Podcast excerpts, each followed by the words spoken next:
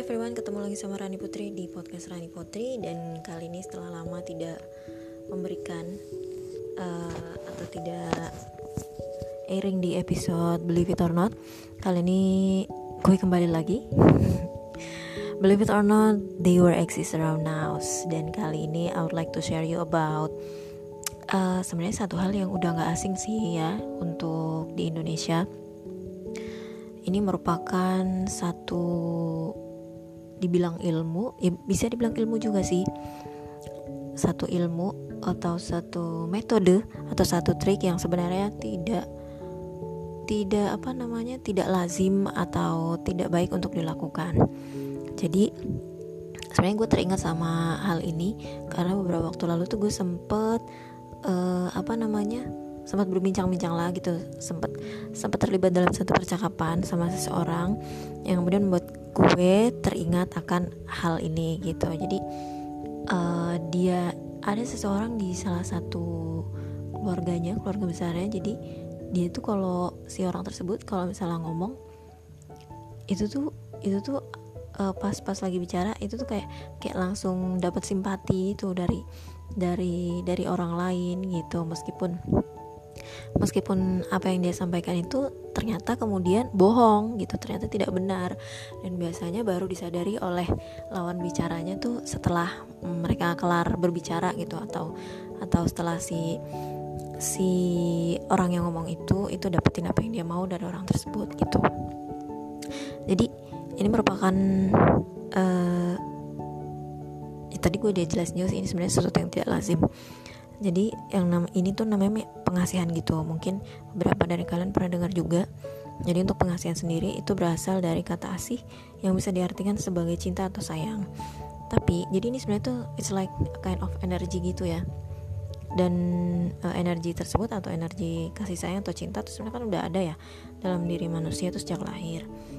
Uh, cuman biasanya itu yang yang membedakannya adalah uh, bagaimana sih orang tersebut uh, terbentuk gitu dari sejak lahirnya sampai kemudian dewasa kayak gitu. Atau bagaimana uh, entah itu lingkungan atau juga cara orang itu bergaul gitu itu kan melalui proses gitu. Jadi itu yang beda-beda.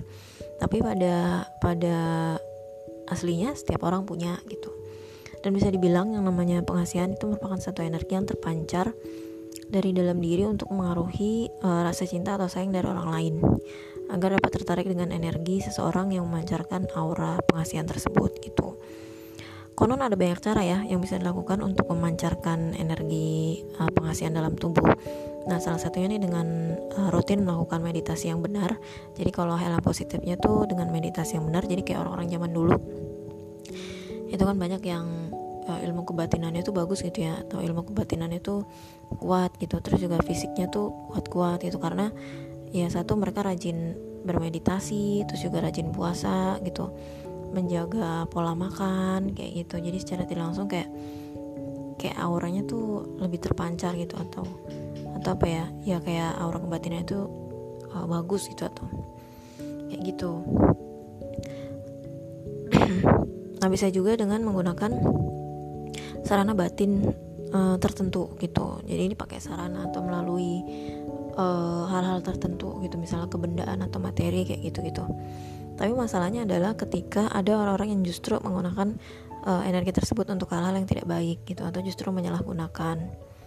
Kayak gitu. Jadi ya itu tadi misalnya itu tadi untuk mm, bohongin orang gitu atau manipulasi emosi orang manipulasi emosi di sini sebenarnya bisa dibilang juga seperti mungkin yang teman-teman udah tahu juga kayak melet orang kayak gitu kan yang yang sebenarnya nggak suka sama dia terus jadi suka kayak gitu gitu itu yang yang tidak baik.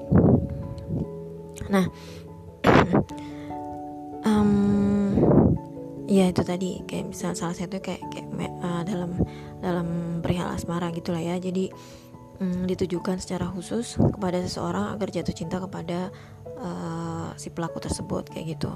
Nah hal tersebut nih yang kemudian kita kenal sebagai pelet itu yang merupakan bagian dari uh, ilmu gaib yang digunakan untuk mempengaruhi alam bawah sadar dari seseorang yang dimaksudkan atau yang dituju. Dan kalau pakai sarana itu macam-macam sih, um, bisa dari kayak yang pakai benda atau kayak ritual tertentu tapi ritualnya itu instan gitu bukan bukan melalui meditasi yang harus dilakukan secara reguler gitu atau uh, puasa kayak gitu bukan seperti itu gitu jadi misalnya pakai benda apa gitu atau misalnya dimandiin konon sih seperti itu gue pribadi um, belum pernah dan tidak pernah sih nauzubillah sih maksudnya. Jangan sampai melakukan hal-hal yang seperti itu karena sebenarnya kalau dalam Islam sendiri kan itu tidak tidak baik ya atau itu seperti menyekutukan Tuhan gitu. Karena kalau udah depend ke sesuatu yang sifatnya kebendaan atau animisme nah itu kan berarti jatuhnya udah sirik ya dan itu merupakan salah satu dosa yang tidak terampuni. Nah itu kalau misalnya dalam dalam paham Islam gitu uh, jeleknya adalah uh, apa namanya ada juga yang menyalahgunakan seperti ayat-ayat ayat-ayat di Al-Quran yang digunakan untuk hal-hal seperti itu gitu. Jadi uh, konon uh, eh, gue nggak akan kasih tau suratnya deh ntar ada yang menyalahgunakan ntar malah gue yang salah. Jadi ada beberapa kayak misalnya mengambil cukilan uh, uh, apa namanya cukilan ayat gitu dari surat tertentu yang kemudian konon itu tuh harus diamalkan dan uh, nanti tuh itu bisa bikin bisa bikin uh, misalnya seseorang yang dituju nah itu jadi suka ke dia atau gimana kayak gitu. Itu kan kayak oh, di sini juga sebenarnya masih pro kontra sih Emin kenapa hal, hal kayak gitu malah jadi disalahgunakan gitu. Kok bisa sih kayak gitu malah jadi satu kejahatan gitu? Um, gimana ya?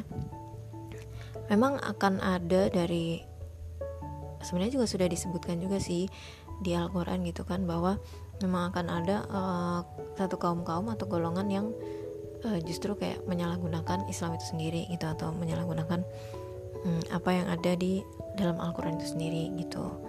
Dan ya namanya misalnya kayak iblis atau setan emang itu kan dia menggodanya dari berbagai hal gitu. Bisa jadi itu salah satunya gitu. Jadi uh, menyalahgunakan apa yang sudah difirmankan untuk menjadi sesuatu yang tidak baik gitu. Tapi itu juga dengan satu resiko sih I mean kalau misalnya pakai amalan kayak gitu kan berarti uh, ngamalinnya atau praktikannya harus benar-benar full. Harus benar-benar uh, misalnya reguler gitu terus harus ada apa namanya uh, kayak ada ya ada konsekuensinya lah gitu.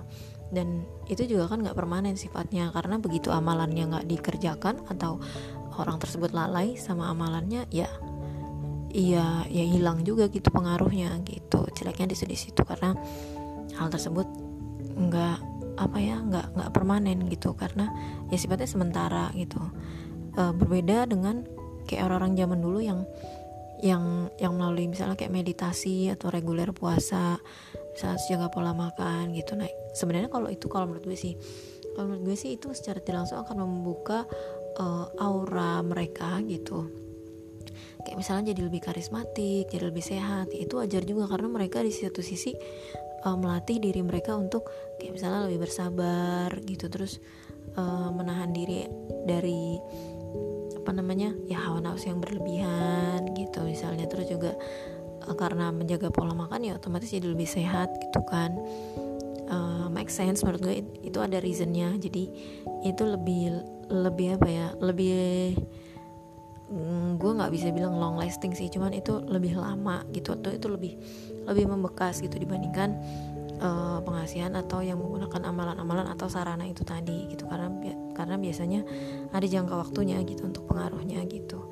Tapi gue pribadi bukan bukan expert di bidang ini I mean uh, ini juga gue melalui uh, research gitu research melalui research gitu dan melalui dari um, beberapa cerita-cerita atau pengalaman-pengalaman orang lain gitu yang mungkin pernah bersinggungan dengan hal-hal seperti itu. Uh, I mean pernah jadi korban misalnya gitu atau mungkin ada ada orang yang pernah melakukan itu gitu kayak gitu. Kayak gitu sih. Dan yang pasti satu hal sih itu tidak baik untuk dilakukan gitu karena segala sesuatu yang tidak lazim itu pasti ada konsekuensi negatifnya buat orang yang ngelakuin.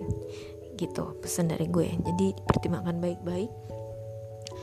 Um, do the thing that's uh, reasonable and make sense pastinya. Dan positif. Thank you for listening. See you in the next episode and bye bye